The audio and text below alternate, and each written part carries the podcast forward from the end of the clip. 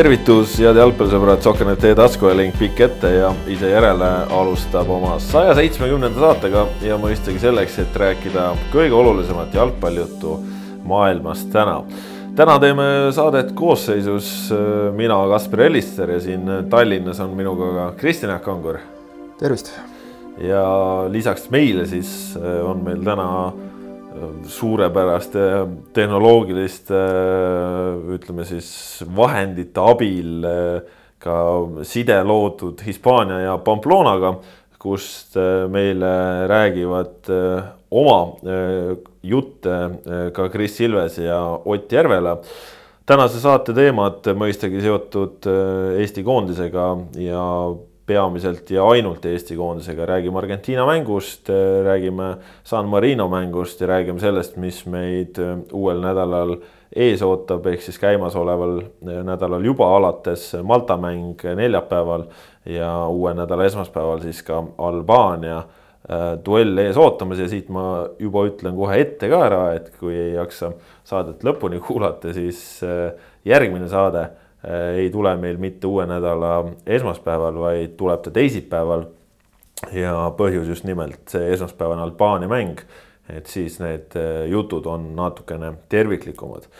aga alustame juttudega siis äh, eilsest pühapäevasest Argentiina maavõistlusest. Eesti sai siis Pamplonas Osasuno kodustaadionil null viis kaotuse null viis kaotuse Argentiinalt, null viis kaotuse Lionel Messilt. Kristjan Jaak, kuidas sulle see mäng tervikuna mõjus, mis mõtteid tekitas? noh, jah, null viis on null viis, eks ole. aga samas nagu sellist huvitav, et, et ma olen näiteks noh, isiklikult kogenud äh, staadionil Portugali null seitset, aasta oli vist kaks tuhat, jah, kuusteist nad läksid ju läksid ja saatsime nad lahkesti suurturniirile, sellega Eestil on nagu kombeks kuidagi olla väga, väga lahke. olime Ronaldo vastu lahked, nüüd olime Messi vastu ka lahked. ma arvan, me olime Messi vastu nii lahked, et järgmine aasta mängime Portugaliga ka, et. ja see Ronaldo pani juba kuskil märkmiku kirja endale, et oot-oot-oot, see on hea sats. sellega, sellega teeme siit saab jälle, mitte et tal muidu nagu väga suur probleem oleks nende koondise väravate löömisega, aga, aga et siit saab juurde jälle, aga noh, okei okay,, ega siin nali naljaks, ta on ju rohkem maavõistlusena sündmus, nii nagu oli Brasiilia mäng omal ajal. üritasin meenutada, millal ma mäletan Tallinnas peetud mängust Brasiiliaga, et vaata folkloori tuli sealt nagu kõvasti, eks ole. KK linnahalli juures ja, ja Sander Puri talt palli ära võtmas ja ja, ja, ja selleks, e, selle mängu eel ma mäletan, noh, oli nagu möllu ja pandi minu mäletamist mööda ka tooga, toona fännibuss mööda linna sõitma ja noh, kõik äge. mängust, ma ütlen ausalt, ma ei mäleta mitte midagi. päriselt ka. sest et see mäng ei olnud üldse kõige olulisem, et ma arvan, et ega siin praegu ju ka, et noh, üks on nagu mäng ja, ja Eesti kohtus Argentiinaga, teine on see, et mida Messi tegi see lihtsalt on nii ja, ja see ei ole üldse halb tingimata, et noh, selleks ongi maavõistlused, sõprusmängud, kuidas iganes me neid nimetame, et, et nad annavad võimaluse sellest noh, valiktsükli tulemuse peale mängimise kohustusest ja, ja selles mõttes ka nagu teatavast rutiinist veidike välja murda aga, aga ma miskipärast kahtlustan, et ega see noh, kuna ma ka kohapeal, eks ole, ise ei olnud, muidu oleks nagu teine emotsioon, aga et, et ega see, ega see mäng jääb ka meelde lihtsalt pikapeale, kui et noh, see oli see mäng, kus, kus Messi lõi meile viis. et nagu mäng kui selline ja mängust kui sellisest nagu teha mingeid väga kaugeleulatuvaid järeldusi on alati nagu tohutult raske, et noh, kui me siin räägime nagu mängijatest, noh, panime ise Sokkerneti ees ka, läksime seda teed, mida oleme varem läinud nagu koledate pakkide puhul olidki siis kaks tuhat kuusteist kolm, et kui vaata, mõtlete, et nagu on hull aasta, siis on veel hullem olnud. kus oli null seitse Portugalilt, siis null viis Bosnia-Hertsegoviinalt. mis nagu ka skoori poolest null viis, aga noh, mängu poolest siukse ka tõesti nagu see tundus nagu null kümme, noh täiesti masendav. pähe saamine, peksa saamine ja, ja siis veel nagu veel vähe oleks olnud, siis tuli sinna see Belgiaga üks kaheksa Brüsselis aasta lõpuks otsa ilusti. ja noh, samamoodi muidugi siis Mainzi katastroof, mis, mis, mis ka siis nagu, kus, kus ei ole mõtet hinnata mängijate panust eraldi. vaid äh, saab, sai öelda, et noh, koondis tervikuna pani nagu sirge seljaga lati alt läbi ja ei näinud ka latti õieti üles vaadates. seekord nagu seda ei olnud, et noh, mängiti, püüti, pingutati, klassivahe oli suur, mitte ainult Messiga, vaid ka teiste mängijatega, noh. see on selge, see on Argentiina ja see ei ole mitte lihtsalt nagu kahekordne maailmameister Argentiina, vaid see on kogu aeg maailma tipus püsiv Argentiina koondis Lõuna-Ameerika meister, noh siin naljavennad ei, ei, ei tee sellist asja, eks ole, ei võida Itaaliat äh, Wembley'l, mitte lihtsalt ei võida, vaid noh, ei tambi neid maa sisse tegelikult mänguliselt ikkagi. et, äh, et see pool, noh, kes kuidas eestlastest mängis, noh, võime öelda, et Matvei Igonen loomulikult eksis, ise ka tunnistas, et eksis penalti olukorras, läks liiga tormakalt. Eesti võimalus sellistest mängudest midagigi kätte saada on võimalikult kaua nulli hoida ja siis vaatame edasi praegu andsime kaheksandal minutil Messile võimaluse penaltit lüüa, noh, see on selge, et nii ongi raske. võib Maksim Baskotšit kiita, kes mängis kaitses keskmise mehena, mängis tublilt, ärme unustame, et tal meeste jalgpallikogemus tuleb peamiselt Eesti koondisest. noh, võib öelda, et tegelikult minu meelest Mattias Käit, Karol Mets ei teinud halba mängu enda kohta. Klassivahe on lihtsalt nii suur ükski mees noh, nagu ei, ma ei julgeks öelda nagu põles või põrus nagu, et seda ei olnud. samas keegi noh, ka ei sähvatanud. et siis ongi selline noh, Eesti versus Argentiina, seal me oleme praegu, et kui kogu aeg räägitakse, et kui, kui tohutult halvad me praegu oleme, millega nagu alati ei taha ka nõustuda. et nagu ainult negatiivset näha, aga no ega me nagu head ka ei ole hetkel, see on ka täiesti selge. et ei saa siis eeldada, et me, et me sellises mängus nüüd nagu hakkame hullu panema seal seal ka teiste meeste vastu, De Paulide ja, ja, ja nende vastu. mis minu jaoks äh, oli üllatav, äh, oli see, et äh, Toomas Häberli algkoosseisu nii palju vangerdusi tegi, kokku seitse muudatust võrreldes San Marino mänguga, mis tähendas seda, et noh, tahame või mitte, aga tegelikult Eesti mängis suhteliselt nii-öelda oma varumeestega eile ja, ja sellises olukorras noh, ütleme nii, et äh, see vahe maailma tippkoondisega tuleb ikkagi veel tugevamalt välja, et äh, noh. kindlasti ta võimendab seda. ütleme, et kui sul on keskväljal äh, lõhkuja Vladislav Kreida, kui sul oleks keskkaitses Joonas Tamm on ju, kes noh, ikkagi Eesti totaalne tippmängija veel lisaks on ju. ja, ja noh, ettepoole ka mingisugused valikud on ju, et siis äh, see oli minu jaoks natukene nagu ootamatu isegi, sest ma arvasin, et äh, Häberli tahab seda noh, ikkagi nii tugevat duelli kasutada ära ka selleks, et, äh, et proovida veel äh, seda, ütleme, meie parimatega ka seda tippu tunnetada kuidagi. aga ta ikkagi lähenes sellele, et maavõistlus ja meil palju mänge ja meil neljapäeval olulisem mäng ja ja, ja mängivad need, kes on saanud natukene vähem või, või kellel mingid äh, trumbid või tugevused siis nagu esile tulevad. ja, ja noh, selles mõttes äh, noh, ütleme, et need episoodid, kus Eesti sai seda palli vallata või ka need mõned korrad rünnakul käia. noh, ütleme nii, et mingit pidi võis karta, et läheb veel hullemini, on ju. et äh, tõesti selles mõttes nagu seda piinlikkuse tunnet nagu mängus ei olnud. sa lihtsalt ühel hetkel noh, saidki aru, et, et isegi kui sul Mattias Käitsel võtab ette ja tahab minna ja tal on nagu sekundiga kolm venda seljas, siis noh, see ongi kiiruste vahe ja, ja tipus noh, natukene võib-olla ebareaalne mõelda ka, et et maailma ühe parima koondisega mängidki nagu kuidagi võrdne võrdselt või selleks, et, et sihukese koondise vastu õnnestuda, sul peavad ikka väga mitmed asjad kokku langema ja ikkagi väga mitmel hea päev olema, et noh, see on natukene ebarealistlik lootus. kui me arvame, et noh, Lionel Messi kuival hoidmine, mis siis ei ole, et, et see käib ju lihtsalt, ei käi noh, ei käi. nagu Baskotši ütles, eks ole, et, et noh, sul on kogu aeg tunne, et ma olen ta juures ja jälle ta on sammu võrra eespool. et, et noh, nii on lihtsalt ja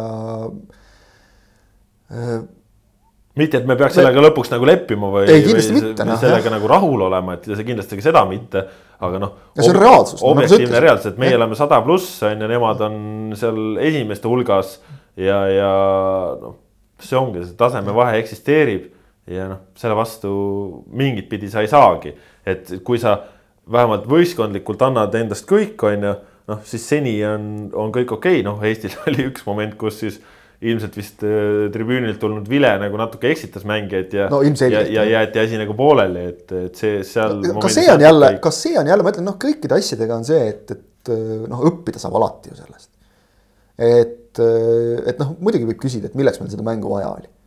milleks meil oli vaja mängida selles mõttes just, et oli vaja mängida praegu Argentiinaga, kui meid ootab ees ülitähtis mäng Maltaga.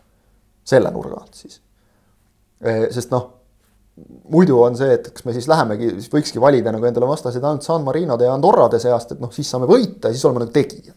seda, seda me ju ka ei taha jälle, eks ole, et ma, ma usun küll, et noh, ma ei tea, seesama Baskotši, eks ole, noh, teised ka Karol Metsal ja Mattias Käidil on, on väga palju õppida, kui sul sellised vastased tulevad ja nad on alati nagu varmad seda tegema, et, et noh, kindlasti nad õpivad sellest ja see on, alati on kasulik, noh, jalgpalluril on alati, mängida on ikka kasulik, midagi sa ikka õpid, see sõltub, kuidas sa nagu ise lähened sellele.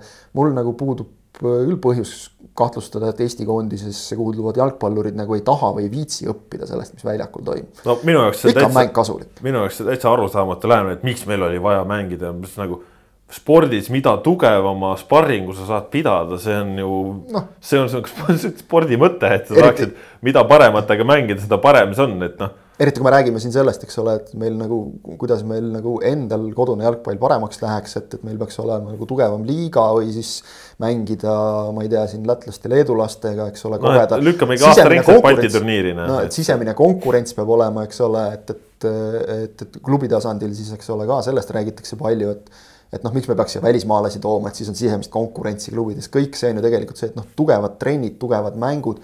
nagu koondisele ka tugevaid mänge ei anna, eks ole, noh niigi meil on see D-divisjon praegu, eks ole, ja. ja noh, oleme ausad, kui me nagu oleme seal, kus me oleme, siis rääkida ära nagu endale tugevaid vastaseid, sellest me eelmises saates pikalt rääkisime, kuidas see üldse nagu õnnestus, eks ole, et Argentiinaga mängida, kui selline võimalus sülle kukub, siis noh, tuleb ikkagi kasutada ja noh, ma usun, et et see koosseisu küsimus äh, oleks noh, see oleks kindlasti teistmoodi olnud asi, kui see mäng oleks nüüd olnud näiteks äh, viimane selles aknas et siis oleks ikkagi, ma arvan, noh, pandud maksimaalselt parim võimalik koosseis välja ja Häberli oleks mõelnud äh, Malta mängu peale, et ta seda praegu tegi, on nagu igati normaalne ja, ja loogiline. Ja noh, ütleme jah, seda kõike arvesse võttes ma ütleks, et Argentiina lasi meil mängida tegelikult, lihtsalt see ongi see, et noh, kui nemad näevad, et vastasel on pall, siis nad on harjunud nagu teatava kiirusega vastasele peale minema, meie meestel oli see ootamatu, aga et, et nad nüüd kuidagi nagu oleks hirmsasti üritanud Eestit lämmatada. noh, seda nagu ka ei olnud, et, et meil nagu sa ütlesid, need võimalused tekkisid aga noh, seal ongi see klassivahe lihtsalt, et seal on sul see, et, et noh, omaksvõtt ja löök. see peab olema üks sõna, see ei saa olla nagu punkt, mõttekriips, kolm punkti vahel, midagi sellist, see peab käima kohe, hetkega, kõik asjad. seda oli näha nagu kõige paremini, et noh, see on, see on see tohutu vahe, aga, aga see ongi nagu normaalne ja kõik need mehed, kes seda kogesid, isegi kogenud mehed, nagu ma ei tea, Sergei Zenjov näiteks selliste vastastega ei ole tema ka eriti ju mänginud karjääri jooksul, võib-olla mõne üksiku korra, eks ole, kui see siin mis tal olid Dortmundi Borussiad, eks ole, seal ja nii edasi, eks ole, grupis. et, et ka sellistel meestel on sealt nagu veel, veel midagi endale juurde võtta, et, et see on noh, selle, selleks ongi neid mänge vaja ja noh, tegelikult äh, teistpidi on ka noh, endal lihtsalt ütleme, et kuna Lionel Messi selle õhtu endale haaras, siis äh, mingit pidi oli nagu kuidagi ka kuidagi nagu üldsus rahvusvahelises äh, pildis, äh, kõik keskendusid Messile ja seetõttu keegi nagu ei öelnud, et Eesti oli nüüd mingi jõhkralt, jõhkralt halb või et noh, kõik said aru, mis on nagu reaalsus ja pigem äh, oligi fookuses äh, Lionel Messi talent, et äh, Eesti ei ole esimene äh, võistkond maailmas, kelle vastu Lionel Messi on viis väravat löönud, et ta on äh, Äh, meistrite liiga kaheksandikfinaalis Leverkuseni Bayernile ka löönud viieka ja niimoodi, et Barca sai seitse-üks võidu meistrite liiga kaheksandikfinaalis, halloo on ju. et äh, me siin mingi maavõistluses äh, pooleldi varumeestega mängides, et äh, jah, see oli selles mõttes tore õhtu, aga sellest, mis tegelikult Pamplonas toimus nii linnas kui ka sellest, milline atmosfäär oli staadionil ja selle ümber sellest räägib meile Kris Ilves, kes äh, on praegu veel Pamplonas kohapeal ja, ja eile seda mängu äh, sealt jälgis, nii et äh, kuulame, mis Krisil meil rääkida on. suure mängu tundest saab juba seetõttu rääkida, mis toimus mängupäeval mitu tundi enne avavilet. Pamplona kesklinnast asub staadion umbes viie kilomeetri kaugusel. Linn ise on rahvaarvult poole suurem kui Tartu, ehk siin elab umbes kakssada tuhat inimest kui viis tundi enne mängu algust linna peal jalutasime, siis inimesed suhteliselt rahulikult sumisesid. sel ajal oli, oli Argentiina koondis Bilbaost ka Pamplonasse jõudnud ja, ja inimesed olid nende hotelli juures. Hotelli, hotelli aed oli suur, muidugi seal politseinikud valvasid, aga, aga noh, fännid ootasid, millal, millal nende staarid välja tulevad kolm tundi enne mängu algust, umbes kolm tundi, oli juba rahvast meeletult seal hotelli juures ja, ja laulud olid äh, üles võetud. Aga linna peal oli, oli väga palju Argentiina särkidega inimesi, sellepärast et äh, põhimõtteliselt ükskõik, äh, kuhu sa vaatasid, siis kedagi ikka nägid, kellel oli Argentiina koondise särk seljas üldjuhul siis kas äh, Lionel Messi või Diego Maradona särkidega inimesed või, või lihtsalt ilma nime ja numbrite särgid. aga ringi liikusid ka inimesed Hispaania koondise särgiga, Eesti koondise särke vist ei näinud. Ja, ja selles mõttes mujal linna peal sellist laulmist tähele ei pannud, kui, kui seal hotelli juures, aga kindlasti seda kuskil oli. ma hispaania keelest ise eriti aru ei saa, aga, aga nii palju, kui mööda sai inimestelt, inimestest kõnnitud, siis äh, nii palju ikkagi sai ära tuvastatud, et äh, peamiselt räägiti, räägiti mängust. Me jõudsime staadionile kaks tundi enne avavilet ja, ja siis olid äh, Argentiina koondise fännid lauluviisi staadioni ümber üles võtnud, peamiselt olid, olid laulud Messist, aga, aga ka erinevaid laule tegelikult, väga paljud fännid olid, olid ka Argentiina koondise bussi seal staadioni juures äh, ootamas ja kui kui see lõpuks kohale jõudis, mis ta oli umbes kaheksakümmend minutit enne avavilet, siis absoluutselt kõiki inimesi, kes sealt bussist äh, välja astusid, äh, tervitati väga rõõmsalt ja, ja, ja kõva häälega, aga mõistagi eelkõige Messit atmosfäär staadionil oli, oli muidugi väga võimas, aga ma arvan, et see, see lihtsalt ongi selline jalgpallikultuur. mina näiteks sellist või minul sellist äh, kogemust äh, jalgpallimängu koha peal vaadates ei ole olnud, see oli, see oli mul esmakordne kogemus. mõistagi see kõik äh, on seotud sellega, et, et mängis ikkagi üks maailma paremaid jalgpallureid, minu arvates ongi Messi maailma parim jalgpallur ja, ja ka suur Argentiina koondis. igasuguste argentiinlaste, aga ka tegelikult eestlaste õnnestumised väljakul võeti emotsiooniga vastu. seda näitas see jalgpallikultuur üldse ka seda, et näiteks kuidas Erik Sorga välja vahetati, talle, talle anti suur aplaus, aga ma ei, ma nagu ei usu, et see oli oli lihtsalt äh, sellepärast, et oli Erik Sorga, vaid äh, see vist oli ka viimane vahetus või vist oli jah, viimane vahetus, ehk ma arvan, et tänati tegelikult ka kogu Eesti koondist sellega. ja üleüldiselt fännid mängule väga emotsionaalselt elasid kaasa ja, ja, ja ka staadionil äh, võeti laulujupid ülesse. ma ei tea nüüd küll, palju neid inimesi täpselt staadionil oli, aga aga sinna suurusjärku kahekümne tuhande juurde see ilmselt jäi ja ja, ja samas on ka keeruline öelda, kui palju oli neid kohalikke argentiinlasi seal või, või Argentiinast kohale tulnud inimesi, sellepärast et keel on ju hispaanlastega sama, selles mõttes üpris raske on äh, tuvastada niimoodi lihtsalt kõrvalt vaadates. aga kuna Lionel Messi on aastaid Barcelonas mänginud ja ja seal inimeste südametesse pugenud, siis, siis kindlasti on tal juba Hispaanias väga palju fänne, kes, kes teda vaatama tulid. ja kuna Argentiina koondis alles Londonis mängis äh, finalissima raames Itaaliaga ja seda mängu käisid inimesed äh, Argentiinast vaatamas, siis, siis kindlasti paljud liikusid edasi Hispaaniasse, kui nad juba Euroopas äh, olid, ehk et siis kaks mängu, kaks mängu lühikese aja jooksul ära vaadata vot äh, sedasi rääkis meile Kris äh, kogu sellest atmosfäärist ja, ja melust. Äh, noh, mõistagi mängu tähtsam figuur oli seitsmekordne maailma parim jalgpallur Lionel Messi. küsisime Ott Järvelalt, kes samuti eile Pamplonas kohapeal staadionilt seda mängu jälgis, milles peitub Lionel Messi fenomen ja Ott siis selgitab meile. Lionel Messi fenomen jaguneb kaheks, ühed põhjused on jalgpallilised, teised on platsivälised, jalgpallilistest põhjustest me saime eilses kohtumises vägagi ammendava ja mitmekesise ülevaate.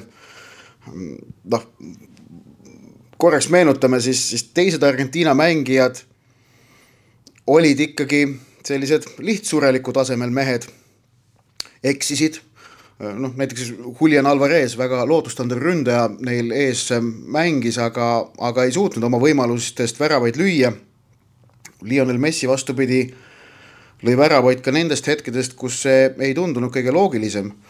Äh, mis äh, samas, oleme ausad, tema puhul on üdini loogiline, sellepärast et tema standardid ongi sedavõrd kõrged, ehk et ühelt poolt tema fenomen seisneb siis tõesti kõigis nendes jalgpallilistes oskustes, mis tal, mis tal väga kõrgel tasemel on, on olemas ja mida ta eile siis ka Eesti vastu vägagi tipptasemel näitas, aga teisalt äh, tuleb rääkida ikkagi nendest mitte äh, jalgpallilistest omadustest, mitte mängulistest platsivälistest äh, asjaoludest, mis tegelikult on ju isegi suuremad ja olulisemad ja suurema mõjuga kui need, mida ta teeb väljakul noh, see, kui, millise uhkuse allikas ta on tervele Argentiina riigile ja rahvale, vot see on fenomen. Äh, selleni küündivad maailmas üldse väga vähesed inimesed veel ja, ja väga vähesed sportlased, kuhu, kuhu Lionel Messi just selles vaates on suutnud tõusta.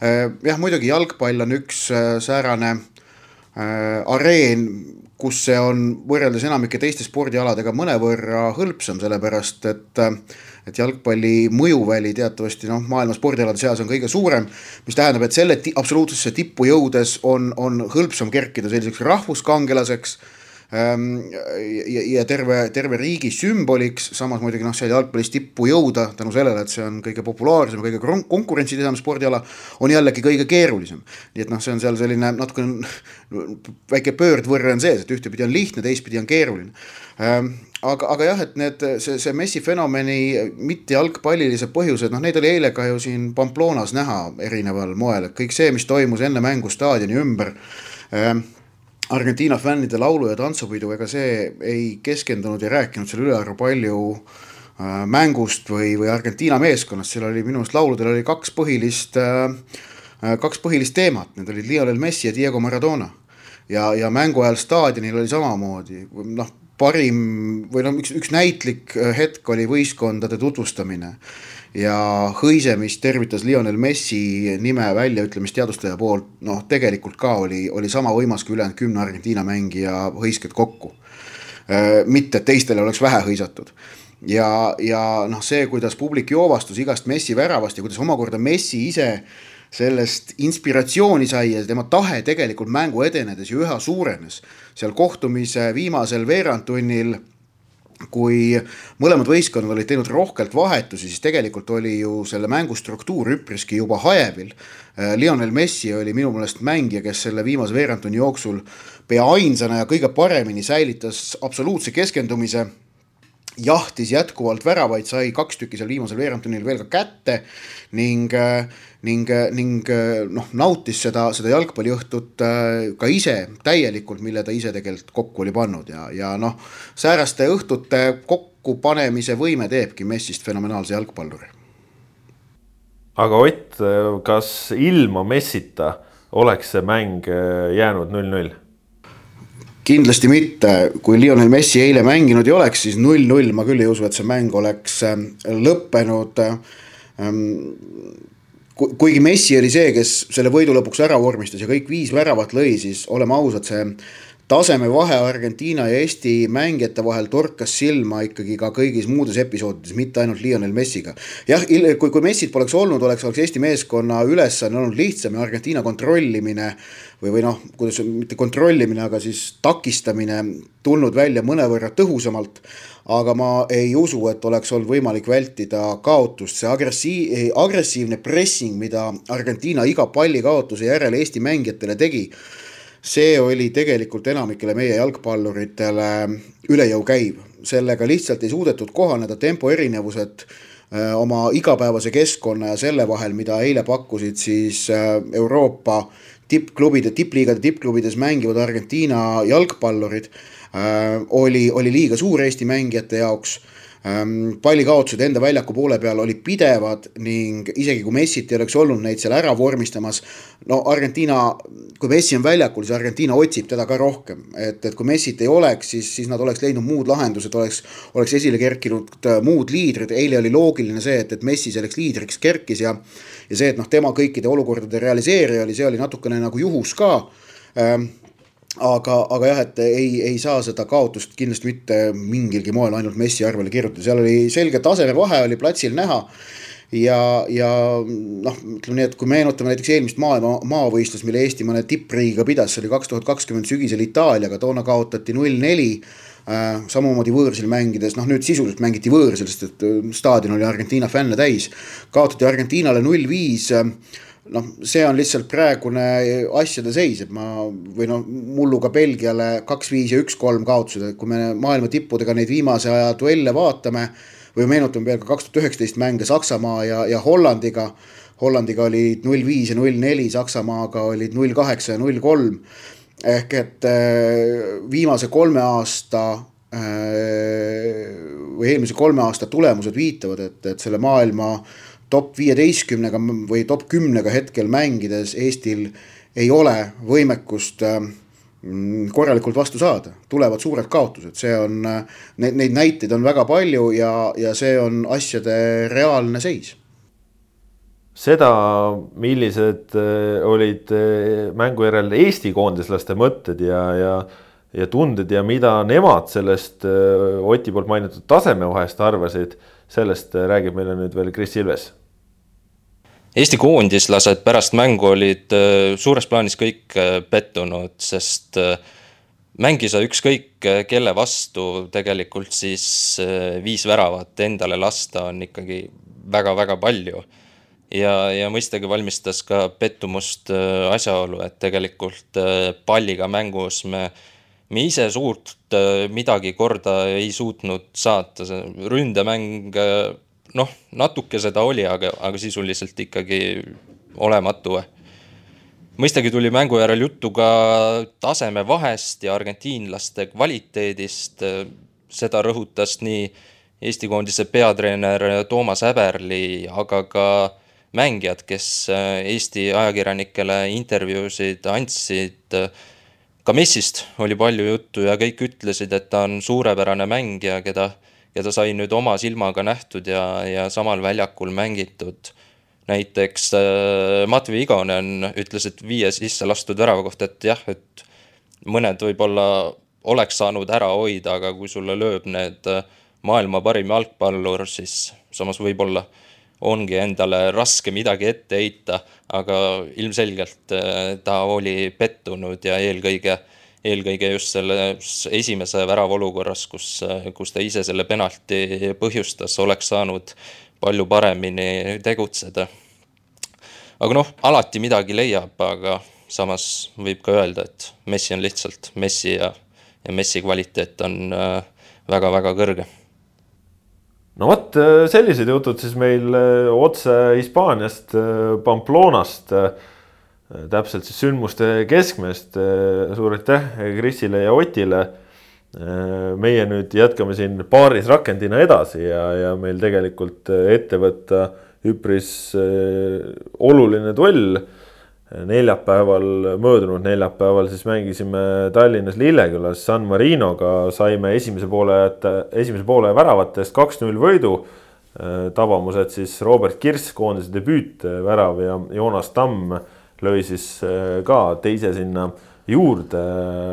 teisel poolajal Eesti mängupilt noh, rauges märgatavalt, aga kokkuvõttes olulised väga,, väga-väga olulised kolm punkti, taga ka nullimäng ja ja noh, vähemalt siis Rahvuste Liiga D-tasandil mingit sorti soliidne algus tehtud, et äh, kuidas sa sellele mängule tagasi vaatad äh,? Tulemus oli see, mida oli vaja, mängupilt äh, nii ja naa, et mis, mis su mõtted seal on?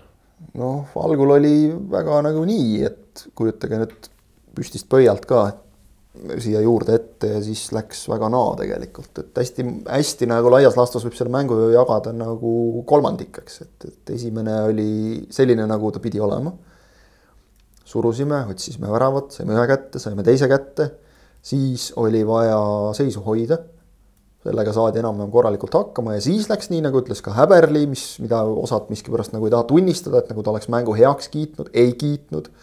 kõik ütlesid, ka mängijad ütlesid, et, et nii nagu me lõpus viimased pool tundi mängisime või isegi natuke rohkem, noh, tegelikult teisel poolel. et sellist asja ei saa lubada endale ja väga õige. ma ei tea, kas kas Eesti hakkas pelgama natukene. et, et noh, äkki me ei suudagi kaks-nulli lõpuni hoida. noh, kaks-null kindlasti oluline, kui me võrdleme siin omavahelisi, teame, eks ole, et omavahelised mängud, noh, need ka nagu loevad ja väravate vahet võivad ka lugema hakata mingil hetkel. noh, eeldada võib, et Maltaga meil käib, eks ole, edasipääsu peale võitlus, aga, aga Malta võitis neid ka kaks-null, Maltal läks oluliselt kauem aega, et värav ära lüüa. tõsi, nemad mängisid võõrsil, noh me ei tea, kuidas meil seal läheb, viimasel korral liiga edukad me ei olnud värava löömises San Marinole võõrsil. aga ega et noh, kas oli väike nagu selline hirm, noh, mis muidugi näitab ka üht-teist, kus me parajasti oleme, kui me kardame, et äkki me ei suuda San Marino vastu lõpuni hoida. et no, noh, tegelikult see hetk, kus kõik nagu tahtsid, et noh, ai, lähme nüüd paneme veel kolmanda-neljanda sel hetkel hakati hoidma ja vaat see oli nagu kuidagi see noh, väga negatiivne asi, mis, mis tõesti nagu jättis negatiivse maigu mängust. kokkuvõttes ütlen ma selle kohta, et sellest tsüklis me oleme nii palju rääkinud sellest. siin on vaja võita, ükskõik kuidas, nui neljaks läbi ühe ja teise asja ja kujundlikke väljendeid tuua igasuguseid. võita on vaja noh, üks-null kellegi kannika põrkest väravaga absoluutselt ei huvita, kuidas. selles tsüklis ei huvita, kuidas. ja samamoodi Malta vastu. et, et see fookus peab olema sellel siin, võib võrrelda sellega, et vot Itaalia siin rahvuste liigas mängis Saksamaaga. Roberto Mancini andis ühele mehele algkoosseisu debüüdi, tõi seal neid juurde veel vahetusest ridamisi. tublid poisid mängisid üks-ühe välja esiteks oleme näinud äh, rahvuste liigas ka varasematel hooaegadel, et esimesi voore võetakse väga rahulikult, seal tuleb üllatusi. see oli noh, nüüd võib juba rääkida nagu mustrist, kui kolmas hooaeg läheb samamoodi, on ka selle, sellel aastal toonud esimesed voorud juba üllatusi. rahvuste liiga ei ole selliste koondiste jaoks prioriteet. Roberto Mancini jaoks, kellel mm valitsükkel läks täielikult pekki, MM-ile ei saadud, on äh, praegu tema jaoks on need nagu meie jaoks siin Albaania maavõistlus, kus on vaja katsetada. vaja katsetada noori mehi, kes, kes veab välja, kes ei vea välja. kui Itaalia kukub rahvuste liigas B-divisjoni, no sellest ei ole suurt tragöödiat. loomulikult tehakse kõik, et seda vältida, aga see ei ole Itaalia jaoks tragöödia. kui nad jäävad jälle eemale järgmiselt suurturniirilt, vaat see on tragöödia, ehk nende fookus on seal. meie fookus praegu selgelt, kuna me edasipääsu peale ei mängi, oleme ausad. ei EM ega kaugelt mitte MM valiksarjas. ja praegu nagu ei ole mitte miski ei anna nagu põhjust ka optimismiks, eks ole, selles suunas, et, et me nüüd hakkame seal kõrgete kohtade peale võitlema.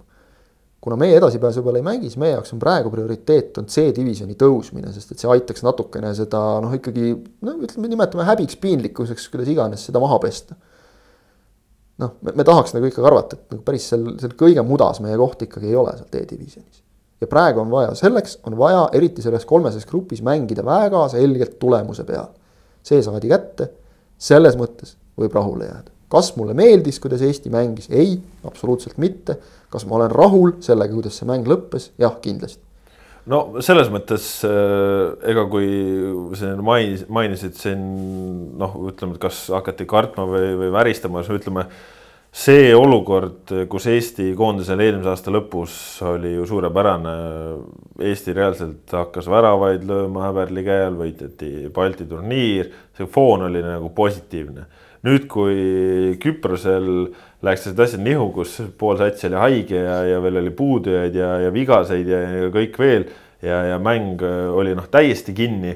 Ja tuli sealt see null kaks, kus noh, üks oli mingi Vapsee ristaka pauk on ju, et pärast seda see langemine sinna mudasse nii-öelda noh, tõi ju kaasa meeletu negatiivse fooni, meeletult on tambitud sealt alates, kuidas Eesti jalgpall tervikuna no ei kõlba mitte kuskile.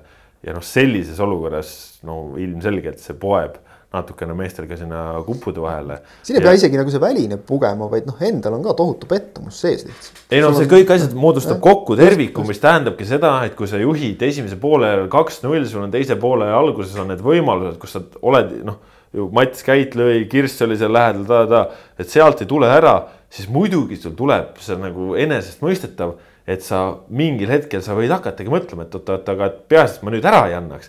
peaasi, et ma saaksin siit kolm punkti.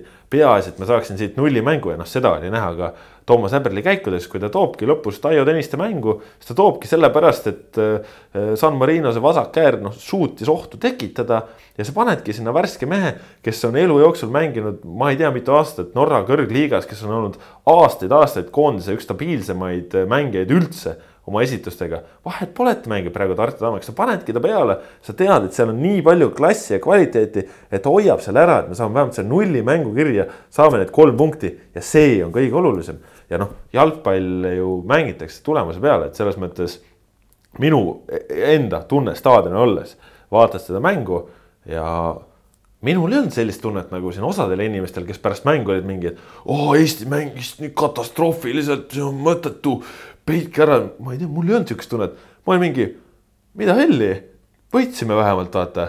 Et, et okei okay,, et teisel poolel muidugi see mängupilt ei olnud enam see, nii et esimesel poolel ka ju läks aega alguses, et need võimalused tekiks, siis realiseeriti ära.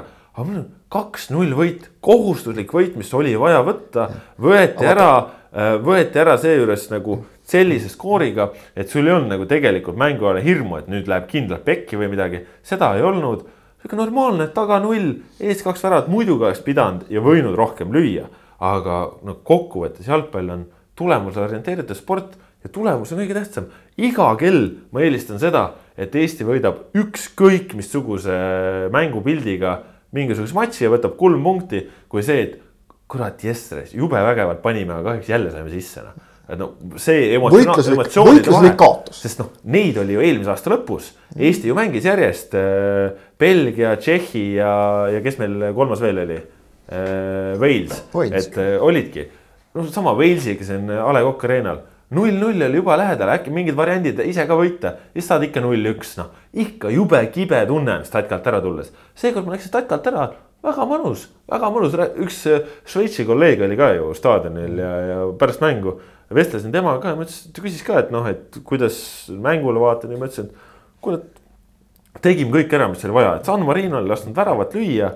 olgugi, et ühe korra olime väga lähedal sellele, et oleksime lasknud seda teha. no aga ütleme ei, ka selle kohta, et noh, ei lasknud. ei lasknud lüüa, ees kaks tükki, normaalse tundega koju. tõesti, mehed said nagu mingisuguse kindluse kätte, et davai selle ülesandega saame hakkama, ei tulnud jälle mingisugust äh, jama, et. Äh, vot see on võib-olla hea näide just nagu tegelikult see olukord, eks ole, kuidas seda võtta, kas võtta nii, et, et oo õudust, San Marinol tekkis meie vastu värava võimalus, nad oleks peaaegu ära löönud, täitsa pekkis. või võtta seda niimoodi, et keerasime käki, aga lappisime ise ära ka.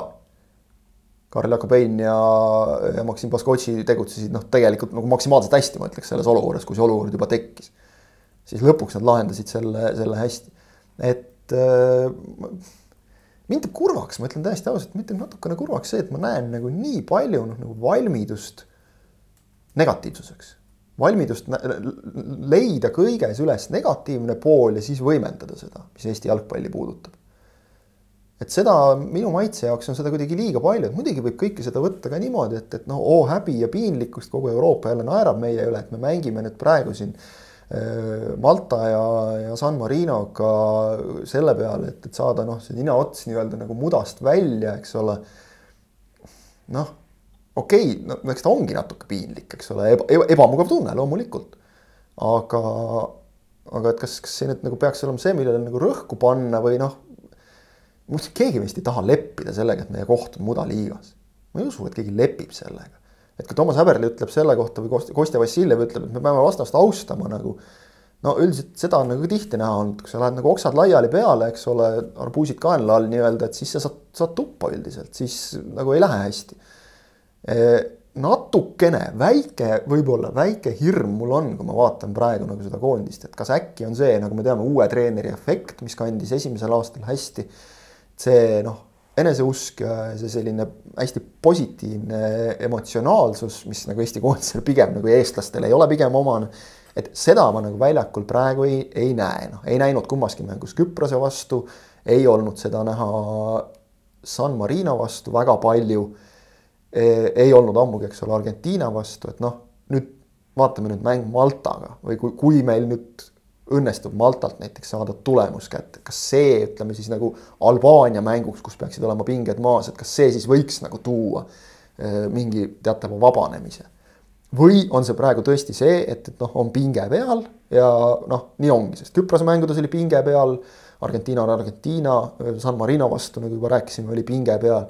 aga see kõik, et noh, nagu kütta kogu aeg seda negatiivsust. Ma tean, palju on neid, kes nüüd ütlevad ka, et, et noh, mis te seda Eesti jalgpalli kiidate, seis on sitt. no hea lihtne lähenemine, eks ole. aga, aga vot ongi nagu see, et, et mul iga kord, kui ma lähen staadionile ükskõik mis mängu vaatama. kas ma, ma lähen Eesti koondise mängu vaatama, siis ma loodan sealt Äh, head esitust, mis üldiselt tähendab ka mul, nagu sina ütlesid, võitu. või no ütleme ka viiki võib-olla, head kaotust noh, pigem nagu ei ole olemas. Pigem nagu ei ole olemas, et ma, ma ei suuda nagu selle üle nagu rõõmu tunda ja samamoodi nagu klubimäng, et noh, kui ma nagu ootan mingit või lähen mingile jalgpallimängule või hakkan seda vaatama, siis vähemalt mul on see, et, et ma nagu noh, ma olen nagu valmis selleks, et siit nüüd ikkagi tuleb hea mäng. jah, päris tihti juhtub seda, et, et noh lootused olid kõrgemad kui tegelikkus. ka Eesti koondise puhul juhtub seda päris tihti. aga ma isiklikult nagu ei taha leppida sellega, et ma lähen nüüd igale, igale mängule, et, et no siit niikuinii midagi ei tule. Sest siis mul saada nagu võimalust saada sellest mängust mingit positiivset elamust, ma võtan selle ise ära endalt. vaat sellest ma ütlen ausalt, see on mingisugune mõtteviiside vahe mina isiklikult sellest aru ei saa ja võib-olla sellest noh, tuleneb siis ka see või noh, mitte võib-olla, vaid ilmselt kindlasti tulenebki nagu see, et, et kui nagu inimesed omakorda ei saa aru, et, et miks, miks me kiidame. miks me leiame positiivset, miks me kiidame koondist, Eesti jalgpalli seisu, miks me leiame nagu selle, et meil on öö, Rocco Robertseinid, Maksim Baskotšid, Karl-Jakob Heinad, kes on läinud välismaale, kes teevad ju tegelikult alles noorte poistena noorte meestena, napilt saab öelda noorte meestena, alles nad olid poisid, teevad esimesi samme nagu suures jalgpallis ja teevad neid nagu päris hästi. et meil tuleb, meil on Itaalias mehi, eks ole, või, või ka poisse, eks ole, kes, kes tahavad sealt tulla ja teevad igapäevaselt tööd selle nimel, et Eestist minnakse ka välismaale mitte ainult ühest või kahest Eesti tippklubist, vaid, vaid minnakse laiemalt, minnakse ka esiliiga klubidest. et äh, ma ei tea, et kui nagu noh see kõik nagu maha salata, öelda, et aga tegelikult on ju halvasti. on päris palju asju, mis saaksid olla päris palju paremini. aga, aga näha ainult negatiivset, noh, ma ei tea, kui ma, minu jaoks, kui mingi asi, mis mulle nagu üldse ei meeldi, siis ma ei vaata seda ja ma ei huvitu sellest no,. miks no, ma peaks, miks ma peaks ise tegema enda jaoks selle nagu negatiivsemaks? No, see, eks see läheb natukene skisofreeniliseks ka, kui sa ühtpidi ütled, et Eesti on nii, nii, nii halb, meeletult halb ja midagi ei oska ja kõik on mudas ja ja kõik tuleks laiali saata ja samas nagu siis nõuad, et aga San Marinot peate võitma kaheksa-null.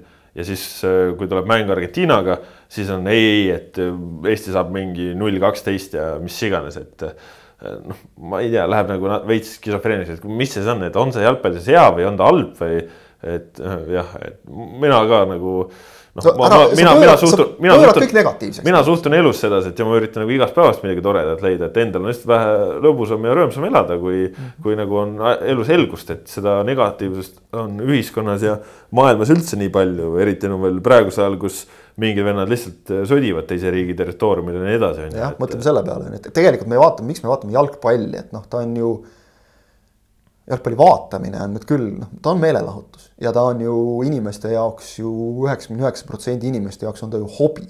ta läheb ju hobi alla, sa veedad oma vaba aega seda tehes. miks sa siis ise häälestad ennast äh, halvale kogemusele. halvale kogemusele, eks ole. et ma, ma ei räägi seda, et, et peab nagu asjad ilusaks rääkima, ei, kui seis on sitt, siis tuleb öelda, et seis on sitt. ei no ongi, me Aga- oleme, me oleme kõik nõus, et Eesti No no, ütleme- mängis teisel poolajal San Marino vastu, mängis nigelalt, oleks oodanud paremat, aga kokkuvõttes, kui sa tuled kaks-null võiduga, jääb, jääb see siia koju, on ju. või no toome okay, lihtsa näite, eks ole. mul, mul oli tuju väga okei okay, noh. kui Eesti U kakskümmend üks koondis saab äh, Aserbaidžaani käest null viis kodus sisse. See oli masendav, jah. siis seis on sitt ja see on masendav, eks ole.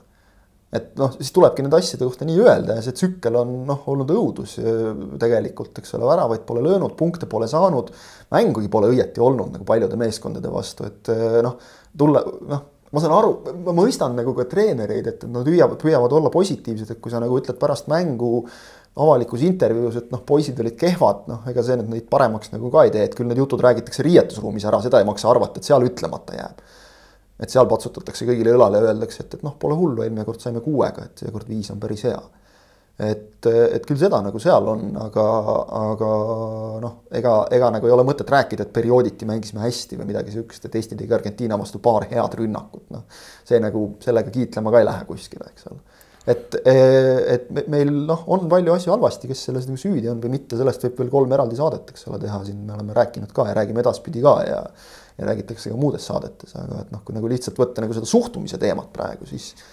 siis see on nagu see, no mina ütleks küll, et kui Eesti koondis võidab, no tunne rõõmu sellele, vahet pole, kelle sa alistad. on see San Marino, on see potentsiaalselt Malta, on see Läti, on see Leedu, on see Argentiina, vahet ei ole. kui Eesti koondis võidab, selle tuleb osata nautida, sest kui sa selle üle ka rõõmu ei tunne, et noh, mille üle siis veel, et okei okay, jah, siin, et kes lõi kui palju väravaid, ma ei tea, Ungari lõi, lõi San Marinole neli väravat, noh, kaks tükki rohkem kui Eesti siis on ju. Inglismaa lõi San Marinole kümme väravat, mis oli reaalsus nädalavahetusel Ungari võitis Inglismaad, noh, et see, kui, kuidas keegi mingil päeval mingi asi õnnestub lõpuks ei ole vahet, jalgpalli mängitakse tulemusele ja kui sa võidad, siis sa oled oma eesmärgid täitnud. see on samamoodi nii nagu tegelikult eh, Lionel Messi jutt eh, läks natukene eh, siin meistrite liiga finaali järele, et jah, et Karim Benzema väärib Ballon d'Ori, aga tegelikult, et jalgpall oli natukene nagu ebaõiglane et Real Madrid küll nagu võitis, aga nad tegelikult nagu ei väärinud seda või ei olnud nagu kuidagi, sa mõtled nagu, ma ei tea, jalgpallis, kui sa noh, lemmikuid tsitaate kasutades päeva lõpuks oled löönud rohkem väravaid kui teine ja, ja saad oma punktid, võidud kätte. noh, mis siis veel eesmärk on, Jose Mourinho parkiski bussi ära ja tuli sedasi omal ajal kaks tuhat kümme meistriliiga finaali võitjaks, see on okei okay,, see ongi jalgpall. palju ta seda bussi parkinud on ja palju ta on võitnud? eks, mis karikaid ta on võitnud Euroopas klubidega. ja ega see, ega see palli valdamine midagi ei anna, Eesti hoidis ka San Marino vastu seitsekümmend protsenti ajast hoidis palli, no kus see viis meid noh kaks-null võidul. kaks-null võidul. aga, aga ei noh, see jah, sellest võib jah pikalt rääkida, ma, ma arvan, Malta vastu ega tegelikult ei olegi ka nagu rohkem isegi praegu nagu väga palju ette arutada, mäng on mitme päeva pärast. noh, ükskõik kuidas võit ükskõik kuidas võit ja see on nii suur valuuta võõrsilt kaasa võtta, kui meil oleks kahe mängu järel kuus punkti. ja kui me võitu ei saa, siis saab öelda, et siis on midagi valesti tehtud. sest, sest, sest Maltat me peaksime ikkagi, ma, ma leian, et noh, on ikkagi need koondised, keda me nagu selle kohustuse saab küll koondisele seada, et nagu võitma peaks neid. mitme väravaga, see on täiesti suvaline teema, aga et võitma peaks ja, ja noh me tahame sealt C-divisjonist välja saada, siis me peame Maltat võitma. seda küll, Maltaga siis neljapäeva õhtul mäng kakskümmend üks, nelikümmend viis algusega Eesti aja järgi ja Viaplayst saab seda mängu vaadata ka. noh, seal tõesti ütleme, et me nägime ära ka selle Argentiina matši pealt, et fookus on selgelt rahvuste liigal ja, ja see, et Argentiina vastu tegelikult mitmed eeldatavad põhimängijad said ka kergema päeva see on nüüd väga hea, meil on praegu ka kolm mängu on vahet, kolm päeva on vahet kahel mängul. ehk siis taastumises ei tohiks mingisugust probleemi ja küsimust olla. ja, ja noh, siin tõesti selles mõttes, et ega Malta ei ole ka, Malta ei ole mingi sats, kes on mingi, ma ei tea maailma täielik põhjamuda, et. Nad ei ole, nad ei ole sellised peksupoisid, nagu ütleme, on siin San Marinot ja, ja Andorrat. ja noh, seega, et Eesti, me oleme rääkinud, Eesti on siin mudaliigas, noh.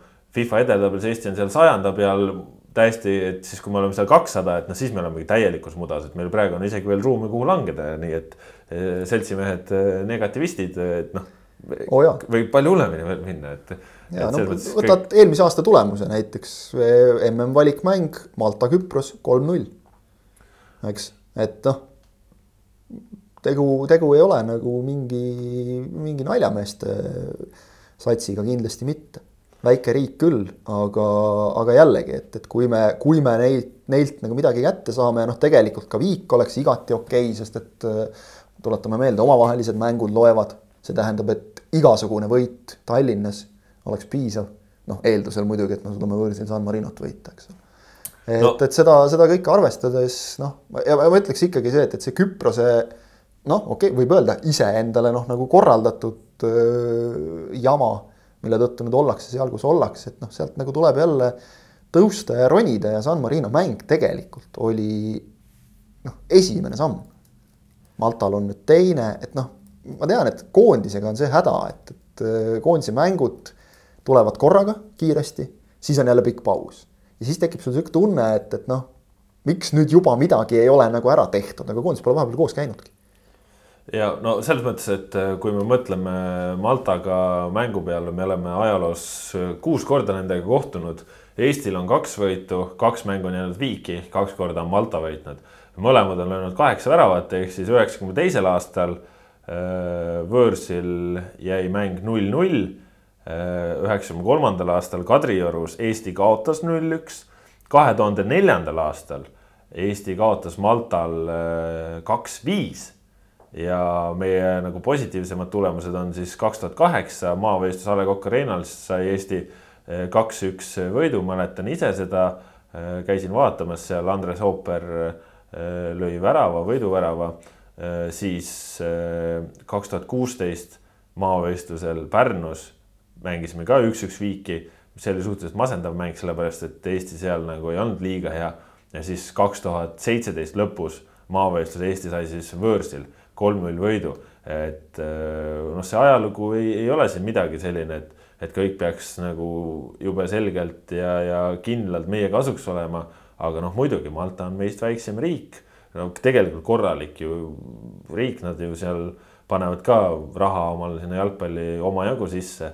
aga noh, muidugi, et kui me räägime rahvuste liiga kontekstis, et meie ambitsioon ja eesmärk on ikkagi tulla siit äh, üles ja, ja kõrgemale, siis äh, noh, muidugi me peame võitma ja ka koondislased ise ütlesid ka, et äh, siin nii enne mänge kui ka mängude järel, et kui me tahame C-tasandile tagasi jõuda, siis me siin D-liigas peamegi lihtsalt kõik mängud võitma.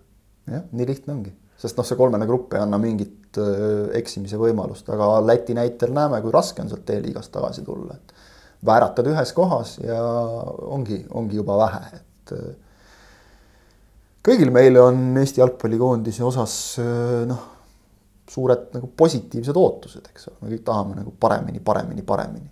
ja ei taha leppida sellega, mis, mis praegu on, aga, aga on nagu on, et ega see üleöö nagu ka paremaks ei lähe ja, ja noh, kui me veel vaatamegi, et kuidas siin Malta mänginud on ja nii edasi, noh siis märtsikuus näiteks alistati Aserbaidžaan on ju seesama, kellel meie noored praegu siin said suurelt ja, ja Kuveidile tehti ära veel märtsikuus ja siin esimesel juunil kaotati null-üks Venezuelale on ju, et mm. -hmm. Ja nüüd muidugi siis äh, eile äh, mängisid siis äh, San Marinoga, noh, sa põgusalt mainisid ka seal siis Malta sai kaks-null võidu ehk siis sama skoor nagu Eestil Äh, ma natuke vaatasin ka momente sellest mängust, seal tegelikult oli isegi niimoodi, et esimene poolaeg äh, Malta ja San Marino vahel oli hästi-hästi kuiv, väga mitte midagi seal ei toimunud. Äh, noh, Malta oli suhteliselt hädas ja selle peale siis nende peatreener reageeris ka sellega, et tegi vaheajal juba kaks vahetust, tõi uued vennad peale. siis tegelikult oli lähedal šokile, ehk siis San Marinole määras Aserbaidžaani kohtunik penalti no oleme ausad, see oli päris naljapenalti ka, et hea, et Varro oli olemas ja selle ära võttis. seal mees no, kukkus ilma kontaktita kastis põhimõtteliselt. no kontakt oli, kontakt oli no, enda, enda, ei ta enda jalgade vahel. seda küll. vastasega ei olnud kontakti, enda jalgade vahel, ta ise koperdas enda jala otsa seal. Aga Varr seal ei läinud käima korralikult seal San Marinos, et seal läks natuke selleks aega, aga no lõpuks said Varri tööle videost vaatas ära ja, ja võttis selle ära ja siis noh, Malta reageeris kiirelt, et kohe siis noh, mõned minutid olid möödas, kui, kui lõigi see uus mees, kes vaheajal peale toodi oma teises koondise mängus. tal siis nimeks oli mis tal nimeks oli siis? ei leia kohe praegu seda venda. Mina peast ei ütle sulle seda. ja ma, seda loodad. aa nüüd Jan Pusutil, Jan Pusutil jah, et äh, pani seal äh, selle juhtvärava ja siis äh, hiljem lõi äh, Kulamier äh, lõi peaga tsenderdus teise ka ja siis noh, tegelikult oligi, et Malta siis teisel poolel oli San Marino vastu nagu hea ehk siis noh, pöördvõrdeline oli põhimõtteliselt see mäng Eesti versus San Marinoga, kus siis esimesel poolel Eesti oli hea, teisel mitte. et siis äh, Maltal oli vastupidi, et esimesel poolel nad olid halvad ja teisel olid paremad. aga no see, et nad, nemad võitsid ka San Marino kaks-null, noh siis me eeldame, et äh, see tase ongi tegelikult meiega üpris sarnane. ja noh, saab siis näha, et äh, tegelikult ju noh, Maltal peamiselt on koduliiga mehed aga, aga seal on ka osa mehi, kes on kuskil Šotimaal mängimas, kes on kuskil Itaalias mängimas, Belgias. et äh, kindlasti midagi lihtsalt oodata ei tasu, aga seal täpselt samamoodi. vahet ei ole lõpuks, milline on see mängupilt, tähtis on saada kolm punkti ja mitte miski muu ei loegi. just no vot, nii et neljapäeval saate seda mängu siis Viaplayst vaadata ja Viaplayst näeb siis ka uue nädala esmaspäeval Eesti kohtumist Albaaniaga, Tiranas see mäng peetakse ja seal on siis natukene muudatusi ka selles osas, et koondisega on siis selleks ajaks kindlasti liitunud ka Rocco Robert Shane, eh, kelle jaoks on siis U kakskümmend üks mängud selleks ajaks möödas. Ja noh, Albaania vastu siis juba küll eh, noh, kui just ei peaks olema nii, et et Malta mäng läheb kuidagi nagu eriliselt pekki, siis kui tuleme ikkagi hea emotsiooniga Maltalt, siis Albaania mäng võiks olla selline, kus saab veel häberli proovida mingisuguseid asju aga noh, Albaania on tegelikult nagu ikka väga-väga korralik vastu. no ma arvan, et ta proovib nii või teisiti, ükskõik kuidas Maltal läheb, et, et noh, kui jah, Shane'i juba seal ja, ja anda neile, kes, kes nagu, kes võib-olla nüüd akna jooksul ei ole eriti palju mängida saanud, et anda neile seal, seal minuteid, et, et see oleks loogiline et sa ei hakka seal väntsutama neid, kes, kes on siin ikkagi valikmänge mänginud. Nojah, ja Albaania siis äh, FIFA edetabellis kuuekümne kuues riik praegu, aga noh, tegelikult kui me vaatame, kuidas nemad siin mänginud on, siis no märtsikuus läks raskelt, kaotasid Hispaaniale üks-kaks on ju, et samas siis seesama Albaania eelmise aasta novembris võitis Andorrat üks-null, et noh, saa siis aru Äh, kuidas need asjad on ja Ungarit suutsid kaks korda üks-null võita. San Marinole panid viieka, Walesiga tegid viiki näiteks samas on ju, et äh, nad on kindlasti meist natukene tugevamad äh, aga. natuke on jah, tegu ikkagi mitte väga kauges minevikus EM-il mänginud meeskonnaga. just, just. Ja... aga sealt peale, minu meelest see oli nagu neil selline tipphetk ja siis sealt peale neil, neil on nagu vähe, vähe läinud asjad allapoole, et, et ma nüüd ütlen peast, aga minu meelest neil, neil see viimane e, valiktsükkel vist läks üsna aia taha, et. Äh, no või... ei, selles mõttes, et kui sa Ungarit no, kaks jah. korda võidad San Marino vastu. siis oli see võib-olla eelnev see. noh, Poolalt nad said. eelnev EM valiktsükkel, aga ühesõnaga see selleks, noh, nad on tegu, tegu on korraliku tubli Euroopa keskmikuga, kellel on ikkagi näidata ette ka mängumehi Euroopa tippliigadest no just, et kui väravaht on äh, Torinos, äh, kaitses on äh, Lazio, Atalanta mm, -hmm. no, Itaalia, Rooma, noh, seal on ka Rayo Vallecanot, seal on Empolit, seal on Türgi klubisid. et noh, see seltskond on meie jaoks tegelikult väga-väga väljakutsuv. ja noh, ütleme, Albaania mäng oleks tegelikult selline, kus, kus ma ise ütleks, et kui me sealt nagu viigigagi ära tuleme siis on juba okei okay,, et kui sa ka, kaotust on... vältida võõrsil Albaania vastu. seal on viik hea nagu, tulemus kindlasti. see on juba. võõralt väljakut, olgu maavõistlus või mitte, ükskõik kellega me mängime, aga, aga viik on praeguses olukorras kindlasti hea tulemus, et, et see annaks nagu natukene jälle ikkagi seda eneseusku juurde, et, et noh. ma ei tea, ma ütleks ka nagu seda, et see, see on nüüd see, see on natukene nagu selline hea lihtne küsimus, et taandub sellele, et, et kui koondis on äh, kaotusseisus et kas sa siis tribüünil äh, üritad neile energiat juurde anda, laulad nende toetuseks, hüüad midagi või vilistad nad välja. et tegelikult nii lihtne ongi. ja noh, koolkonnad on erinevad ja, ja, ja nii ongi noh jah, ega me siin räägime ju noh, oma arvamust nagu alati, eks ole. Pole ka mingi. meie enda, enda mõtted ja meie lähenemised. absoluutne tõde, aga noh. see ei tähenda, et keegi teine ei võiks jah jalgpallile teisiti läheneda. ei loomulikult. see on loomulikult. muidugi kõigi vabadus. vot vot sellised jalgpallijutud siis täna Sokkernet.ee taskuajalingus pikk ette ja ise järele, selline oli meie saja seitsmekümnes saade.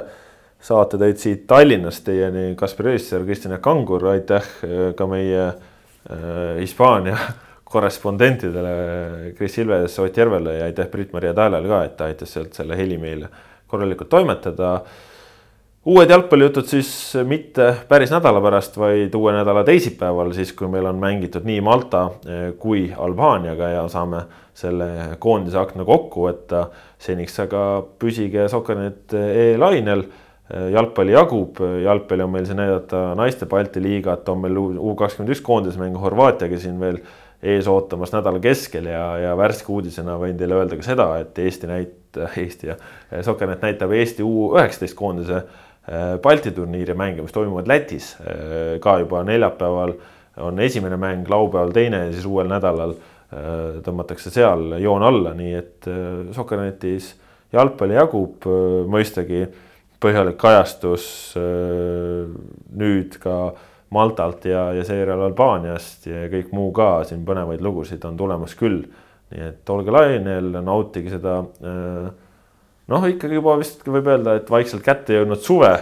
hästi ettevaatlikult ütleme, et vist nagu võib-olla on jah, et ja enam ei ole miinuskraadid. ja nautige elu, sellepärast et tegelikult on ju elu täitsa tore. just. Adjöö